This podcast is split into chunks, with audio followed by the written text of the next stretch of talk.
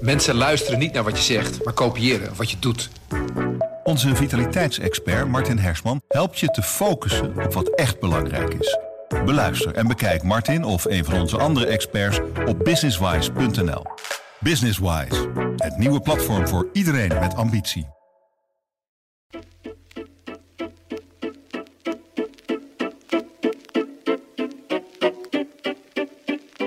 Hallo, dit is Haags Half Uurtje, de politieke podcast van Trouw. Mijn naam is Christophe Schmid. De afgelopen tijd was Den Haag in de band van het drama rondom oud-Kamervoorzitter Ariep, haar opvolger Bergkamp en grensoverschrijdend gedrag in de Tweede Kamer. Deze week kwam deze affaire tot rust, voorlopig in ieder geval. We kunnen wel alvast concluderen dat de Tweede Kamer als werkgever niet helemaal goed functioneert. Wat betekent dat voor ons als kiezers? En is het laatste woord over grensoverschrijdend gedrag in de politiek nu gezegd? Uh, bij mij aan tafel zit Wilma Kieskamp, mijn goede collega op de Haagse redactie. Dankjewel uh, Wilma dat je kan komen. Christophe, leuk hier te zijn. Wilma, we hebben de Tweede Kamer eh, de afgelopen weken misschien wel op, op haar allerlelijkst uh, gezien. Uh, het, het, imago van de Kamer was al niet denderend de laatste jaar. En dat is in een glijvlucht beland uh, de afgelopen weken, mag je dat zo zeggen. het begon allemaal rond oud-Kamervoorzitter Khadija Ariep. en dat is enorm geëscaleerd, die toestand. En de huidige Kamervoorzitter Vera Bergkamp, die de orde moet bewaren, die leek de regie en de orde juist helemaal kwijt te zijn. Wat een verhaal, wat een toneelstuk leek het wel soms. Hoe, hoe is het eigenlijk begonnen als we het toch over het toneelstuk uh, uh, hebben? Wie zijn de hoofdrolspelers? Ja, je noemt, uh, je noemt er zelf al twee. Als je het hebt over de personen, noem je zelf al de twee bekendste hoofdrolspelers in dit dramatische toneelstuk.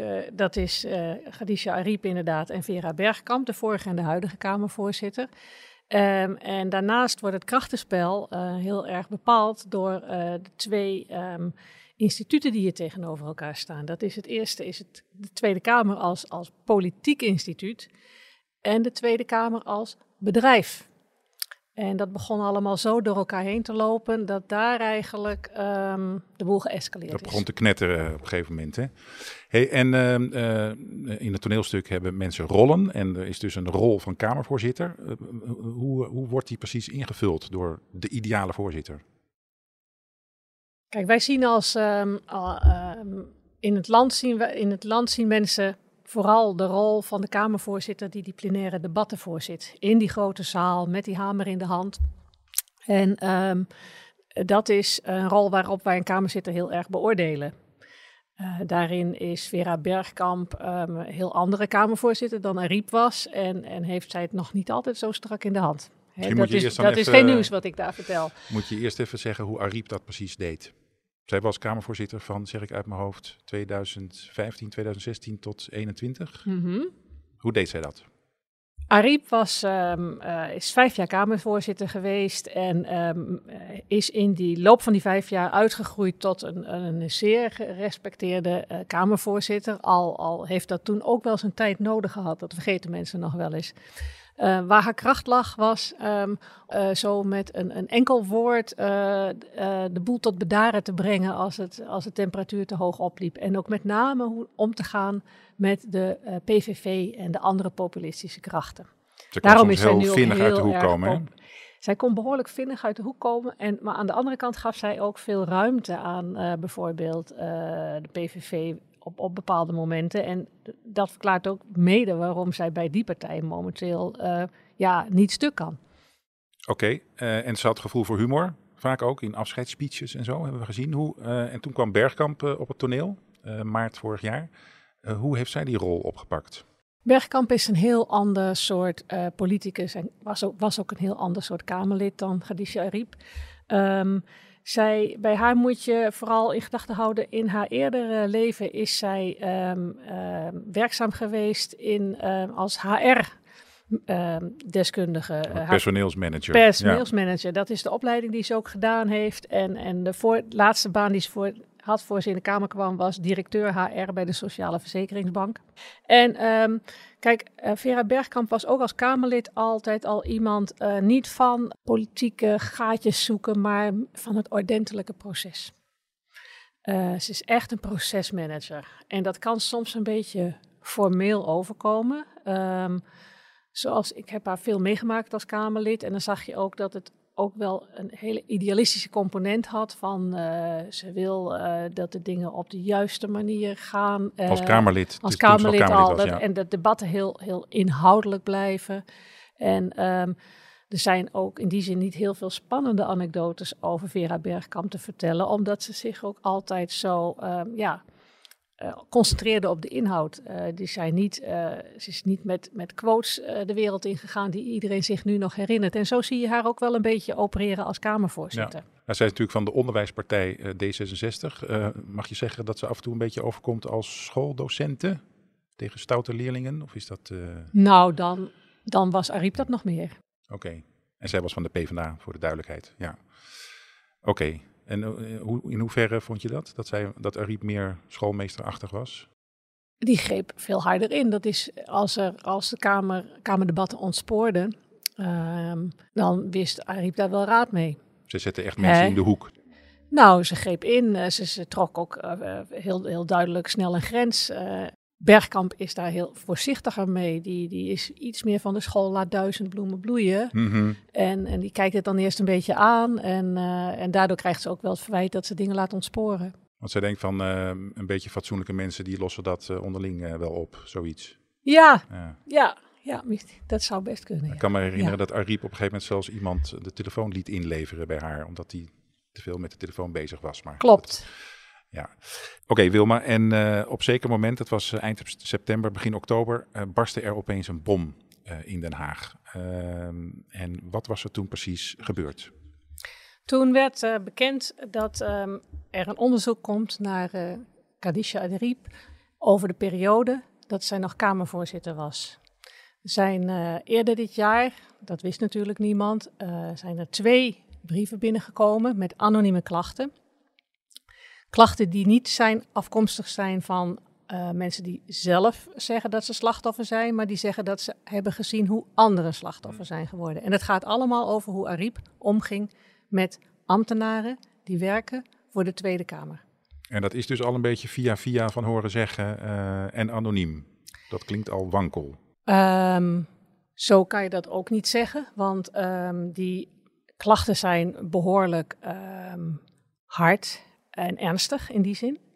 Um, is ook in politiek Den Haag, ondanks alle commotie, als je goed oplet, heb je eigenlijk ook niet één um, uh, speler in dit, op dit hele toneel horen zeggen dat er geen onderzoek moest komen. Mm. He, die, dus die klachten gingen op zich over um, wat, wat, wat dan nu heet grensoverschrijdend gedrag, over de manier waarop zij de ambtenaren aanstuurden. Heel letterlijk het, het woord machtsmisbruik. Machtsmisbruik is daar gezegd, schrikbewind. Let wel, we weten dus allemaal niet of dit klopt, hè, dat wordt nu nog onderzocht, maar dit zijn de woorden die gebruikt zijn in die anonieme brieven of in uh, uh, verhalen van mensen die zich gemeld hebben in de, in de media. Die hebben het over machtsmisbruik, over een schrikbewind, over kleinerende opmerkingen, over um, um, mensen, um, over kleinerende opmerkingen. En ja, het meest harde wat er eigenlijk ooit uh, is neergelegd, is het verhaal uh, hoe Ariep bijvoorbeeld uh, omging met, met ambtenaren die, die haar in de weg zaten. Dan, dan bij vergaderingen kon zij wel eens de truc uithalen om een stoel weg te halen. Zodat die betreffende ambtenaar waar zij last van had, niets vermoedend uh, de kamer binnen kwam lopen. En dan was er geen plek voor hem of haar. En dan kon zij zeggen van sorry, maar de, de, de boel is vol. Ja. Het zijn natuurlijk allemaal dingen waarvan je denkt, onder welk kopje moet je dat nu scharen als het gebeurd is. Uh, maar wel um, uh, de hoeveelheid uh, signalen die er waren, die samen hebben ertoe geleid dat dat besluit is gevallen. Er moet een onderzoek komen of dit gebeurd is. Als ambtenaren aangeven dat zij zich heel erg onveilig hebben gevoeld, dan moet de Kamer daar wat mee.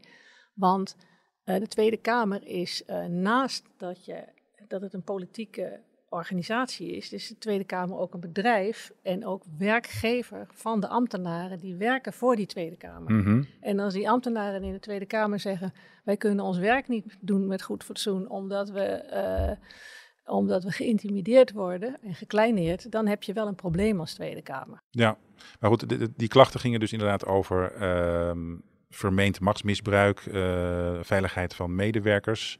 Je zou zeggen dat dat kan in elk bedrijf gebeuren. Dat gebeurt ook in heel veel bedrijven. Wat maakte deze kwestie nou zo politiek? Dat is hier het ingewikkelde dat je steeds naar twee verschillende Tweede Kamers zit te kijken.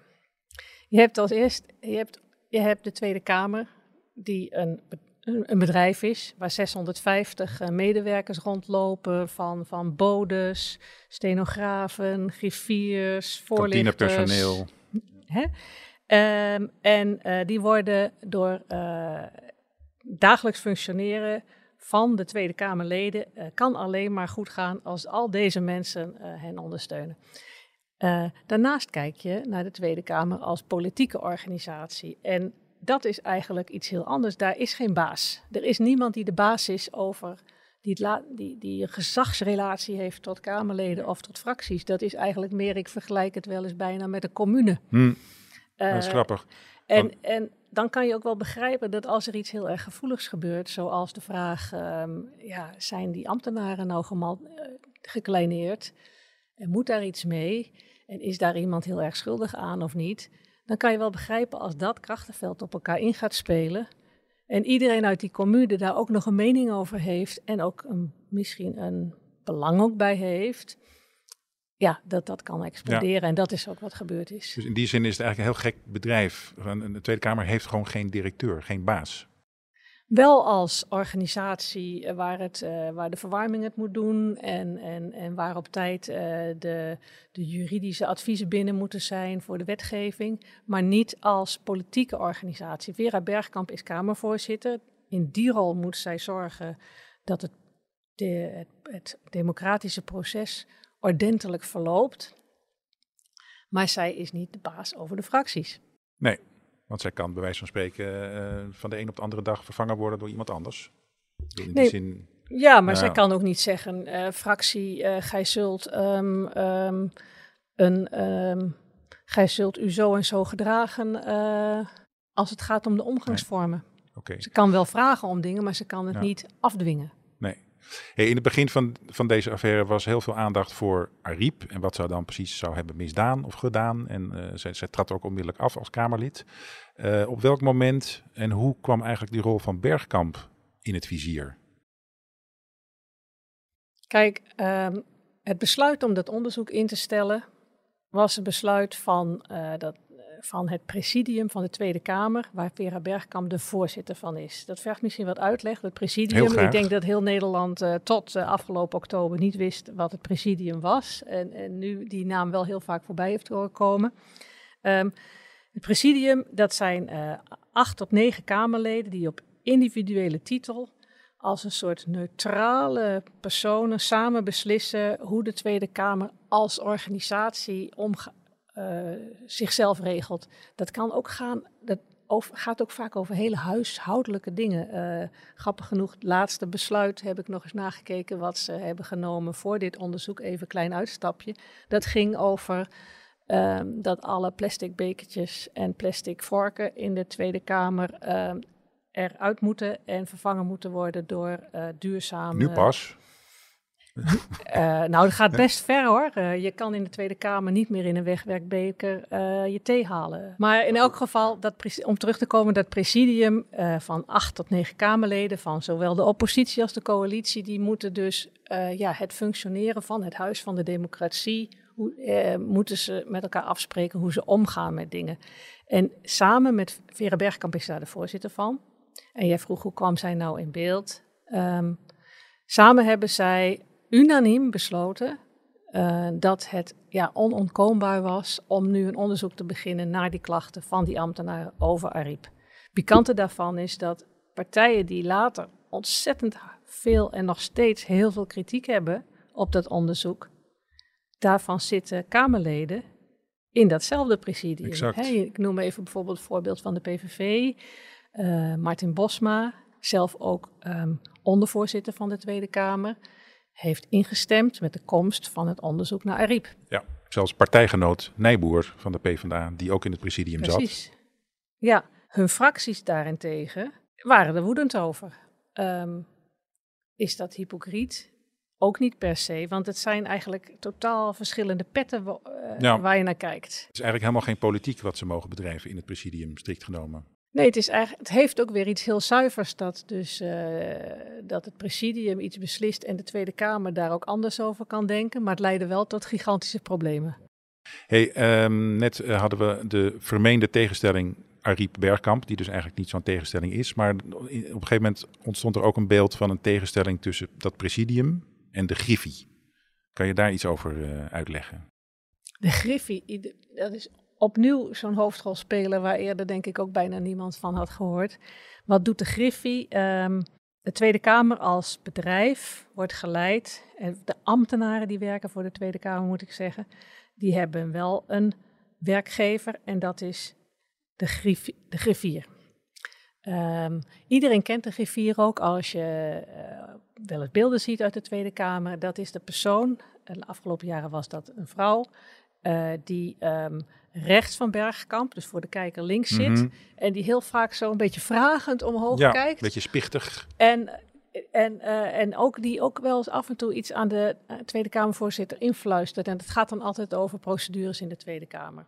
Omdat de, de griffier is dus, de hoofd, is dus het hoofd van alle ambtenaren in de Tweede Kamer. En het grote conflict wat, hier, wat we hier zien over de vraag... heeft Khadija Ariep nou als Kamervoorzitter zich zo, zo grof... ehm, ehm, opgesteld naar ambtenaren. Dat conflict is eigenlijk een conflict tussen Ariep en de griffier, omdat de griffier opkomt voor die ambtenaren. Hm. De griffier die, eh, eh, de huidige griffier die afgelopen vrijdag is opgestapt, ehm, heeft ook een paar jaar geleden al een keer om een gesprek gevraagd ehm, over het functioneren, over de manier waarop uh, Khadija Ariep omging met ambtenaren.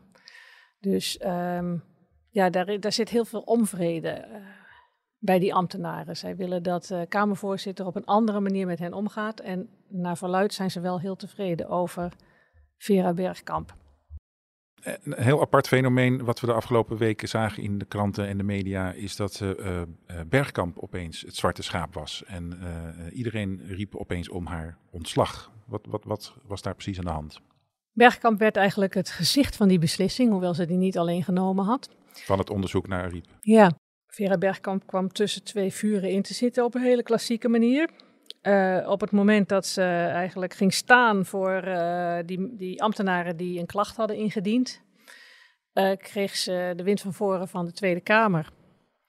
Omdat de fracties in de Tweede Kamer, dus zeg maar het politieke deel van de Tweede Kamer, um, ja, toch wel heel erg geschrokken zijn van het feit dat, dat anonieme klachten tegen een Kamerlid kunnen leiden tot zo'n onderzoek. En die fracties die kregen, ja, die werden ook zenuwachtig van alle publiciteit. En die hadden ook allemaal hun eigen opinie over hoe dat onderzoek zou moeten leiden. En um, er zijn momenteel twintig fracties in de Kamer, dus we kregen een soort beeld van uh, iedereen was bondscoach en had verstand van voetbal. Dus we hadden, kregen op een gegeven moment een soort cacophonie van twintig verschillende ideeën over hoe dat onderzoek het allerbeste uh, plaats zou kunnen vinden. En um, toen kwam natuurlijk ook de kritiek um, op Bergkamp weer naar boven, dat zij um, ja, vergaderingen uh, soms wat aarzelend en voorzichtig, voorzichtig is misschien het woord, leidt. Dus ja, dat, dat ging ook dat kon ook even alle kanten uitschieten, hebben we twee weken geleden gezien in een totaal chaotische bijeenkomst uh, in de Tweede Kamer. Zo kwam zij tussen die twee vuren in te zitten. En hoe is dat uiteindelijk afgelopen? Ja, deze week? uiteindelijk ging de Kamer gisteren weer 180 graden anders, an, uh, andere kant op. Uh, die zijn zelf op hun beurt toch ook geschrokken van uh, wat ze los hebben gemaakt met hun kritiek op het onderzoek. Um, ik denk dat die kritiek soms ook, ja, die had wisselende motieven. Er, er zijn fracties die willen gewoon oprecht dat dat onderzoek zo zorgvuldig mogelijk gebeurt. Er zijn ook fracties zoals de PVV die denken, ha, dit is onze kans om, om Vera Bergkamp uh, te wippen als Kamervoorzitter.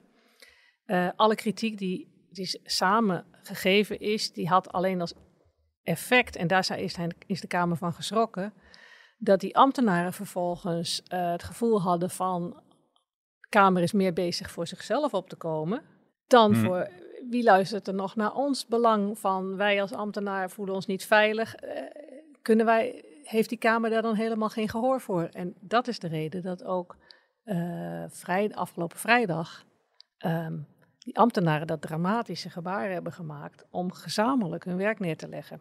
En de Kamer is daar zo van geschrokken dat, die nu, dat ze nu unaniem gezworen hebben. We gaan dit allemaal heel serieus nemen. Het onderzoek moet er komen. En we gaan ons er niet meer mee bemoeien. Dat was wel een dramatisch moment in dat toneelstuk. Een hoop gedoe op het podium. Mensen die heen en weer rennen. Um, en uiteindelijk, je had zelf een heel mooi beeld in de krant deze week van uh, familieleden die tussen de gebroken scherven uh, staan na een enorme ruzie en om zich heen kijken en zich afvragen van wat hebben we in godsnaam aangericht. Dat, dat beeld, dat, uh, dat klopt wel, hè, denk ik. Ja, ja, er is toch denk ik in Den Haag nu wel bij bijna, bijna alle betrokkenen een gevoel van um, het is een beetje, te, een beetje uit de hand gelopen. de rust moet terug. maar intussen gaat dat onderzoek naar Ariep, dat gaat wel gewoon door. Dat gaat wel door. Het is ook wel belangrijk om te blijven bedenken dat dat, dat natuurlijk uh, dat onderzoek kan ook nog opleveren um, dat het niet gegrond is, de klachten, of dat er een context was waardoor het of dat er een ander verhaal is. We weten het niet. Hè. Dit is, zijn ook in de aard hele. Als buitenstaander kan je het ook eigenlijk bijna niet um, beoordelen. Dat vond ik journalistiek ook gewoon heel lastig in de verslaggeving. Hmm. Um, je ziet wel dat uh, ambtenaren behoorlijk uh, actief hebben meegewerkt aan publicaties waarin anonieme ambtenaren uh, verteld, ja, toch benadrukt hebben over hoe zij geleden hebben onder Ariep. En um, ja, het, het, lastige is, wij kennen haar kant van het verhaal niet. Um, dus ja, het blijft lastig. Ja, Um, onze columnist uh, Stevo Akkerman die had uh, deze week ook wel een column over deze zaak. En die had een, een, treffende omschrijving, of in ieder geval een treffende zin. Hij zei, wat zich hier wreekt is dat de volksvertegenwoordiging niet beschikt over de juiste middelen om een goede werkgever te zijn. Is dat inderdaad het beeld dat we eigenlijk overhouden aan dit hele toneelstuk? Um, ja, of in elk geval, de volksvertegenwoordiging heeft en op, met deze de afgelopen weken niet bewezen een goede werkgever te zijn voor die ambtenaren. Want uh, op het moment dat die ambtenaren klaagden, uh, ontstond er paniek. Uh, de middelen die, die zijn er op zich wel. Er zijn klachtenprocedures, er is van alles mogelijk. het is alleen, ja, hoe, hoe gaat de Tweede Kamer daar in de praktijk mee om? Dat is waar we nu naar zitten te kijken. Um, en, en hoe gaan ze dan precies met die middelen om?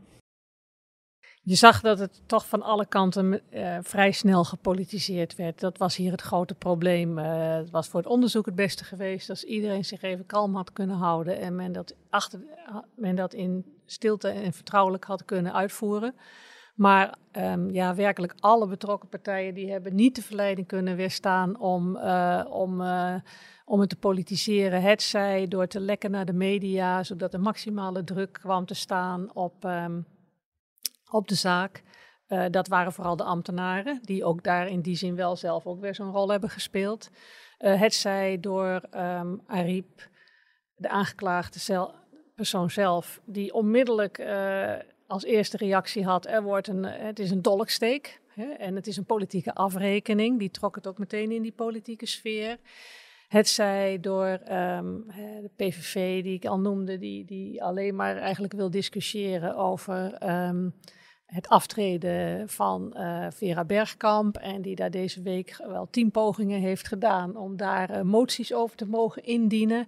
Op het, op het laatste moment werd, werd door um, Kees van der Staaij, die uh, tijdelijk, of die waarnemend voorzitter was van het laatste gesprek, zelf de microfoon uitgezet. Hmm. Omdat hij het ook zat was dat de PVV alleen maar wil praten over dit belang.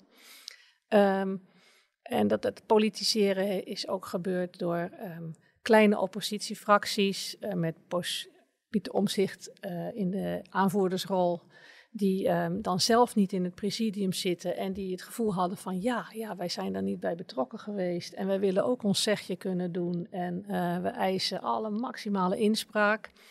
En, en ja, het politiseren is misschien ook geweest door um, de coalitiepartijen die dachten van, um, oh help, um, onze, onze Kamervoorzitter Bergkamp begint te wankelen. We moeten om haar heen gaan staan um, en we moeten haar uh, belang bewaken. En zo had iedereen wel een belang. En, en, en, dat, en dat maakte het ook heel lelijk. Ja, ja, en de gemiddelde kiezer die dit allemaal van een afstandje heeft gadegeslagen, die denkt misschien van ja, wat, wat heb ik hier aan, aan dit gekrakeel? Zegt, deze affaire ook iets over, over, ja, in bredere zin over de maatschappij en hoe die functioneert? Nou, wat het zegt over het parlement is dat um, zo'n zo Tweede Kamer, zodra het over henzelf gaat, um, uh, dat de voorbeeldrol die zij moeten hebben, uh, dat ze dat behoorlijk moeilijk vinden om dat in de praktijk te laten zien.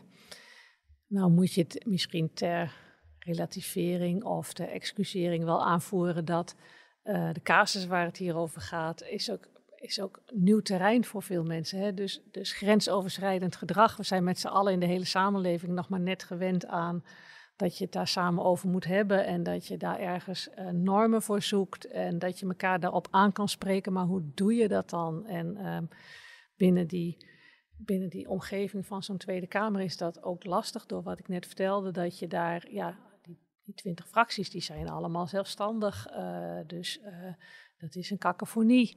Ja, en um, bovendien in een, uh, een, normaal bedrijf heb je ook niet overal camera's hangen die dit soort vergaderingen op de tv smijten. Ik bedoel, we zitten natuurlijk ook bovenop als toeschouwer. Nee. Ja, ja, en in het beste geval kan je ook zeggen, daar met vallen en opstaan is die Kamer daar nu mee bezig. En ze zijn hard gevallen, de, want, want het werd even heel lelijk. Maar afgelopen week hebben ze, anderzijds zijn ze ook weer uh, ferm opgestaan. Door met z'n allen toch, toch op het PVV na dan heel um,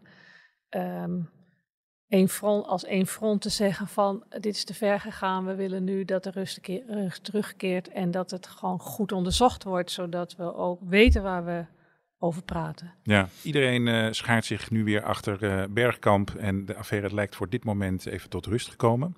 Um, onderzoek naar Ariep, dat speelt op de achtergrond uh, door, maar er is nog een heel ander onderzoek waar we allemaal niks van weten en waar jij nu alles over gaat vertellen. Ja, dat is eigenlijk de verrassing. Um, dat er een veel groter onderzoek loopt naar um, de ongewenste omgangsvormen in de Tweede Kamer, waar, waar gek genoeg heel weinig aandacht nog voor is. Um, het is op zich geen geheim dat het onderzoek er is. Het is afgelopen uh, februari aangekondigd. Iedereen herinnert zich misschien nog wel dat we toen in de periode zaten dat er net op televisie door uh, Tim Hofman bij uh, die uitzending boos. was boos. Dat was op uh, internet waar, alleen geloof ik. Waarin ja. uh, het seksueel overschrijdend gedrag bij The Voice werd aangekaart. En er was een soort nationaal nieuw bewustzijn van we hebben nieuwe, ja, nieuwe mores nodig op de werkvloer. En daar moest ook de Tweede Kamer naar kijken, want hier in de Tweede Kamer was ook wel het een en ander gebeurd in de afgelopen jaren. Er is bij de PVV bijvoorbeeld is een Kamerlid, Dion Graus, kan gerust zijn naam noemen, want de zaak is heel bekend, is aangeklaagd um, wegens seksuele intimidatie. Is niets mee gedaan door de fractie. Um, er hebben zaken gespeeld van, uh, bij, bij uh, Volt, er hebben zaken gespeeld bij andere fracties in de omgang met bijvoorbeeld stagiaires. Nou ja, dat heeft er afgelopen februari toe geleid dat um, het presidium daar zijn ze weer. Mm. En Vera Bergkamp hebben gezegd: er moet een breed, onafhankelijk onderzoek komen naar sociale veiligheid. En daar moet iedereen aan meedoen. De fracties, de ambtenaren, de Kamerleden. Iedereen kan melden wat er of, er, of er problemen spelen.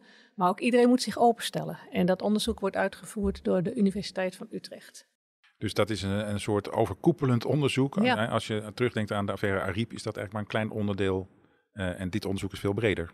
Ja, want in, in wezen uh, is het mogelijk uh, dat als het onderzoek klaar is, in februari 2023 is de planning, dat daar nog heel andere signalen uit gaan komen. Dat, dat dat kleinerende gedrag waar het nu over gaat, misschien speelt dat ook wel op andere niveaus. Um, uh, misschien ook niet. Uh, misschien was Ariep uh, de enige die zo ver over de grens ging als het gebeurd is, zoals de ambtenaren zeggen. Um, misschien, um, ja, dan krijgen we het echte plaatje eigenlijk. En dan wordt het ook heel erg interessant, omdat nu hebben we natuurlijk gezien hoe al die fracties in koor riepen van... Um, het moet op die manier onderzocht worden en daar moet naar gekeken worden en het moet zus en het moet zo. En uh, zelf komen ze dus nu ook uh, bij dat onderzoek onder het vergrootglas te liggen. Want als ze niet meedoen aan dat onderzoek, staat vrij. Fracties zijn niet verplicht mee te doen. Dat is weer dat unieke van de Tweede Kamer. De Tweede Kamer heeft geen gezagbaas die daar het gezag over voert.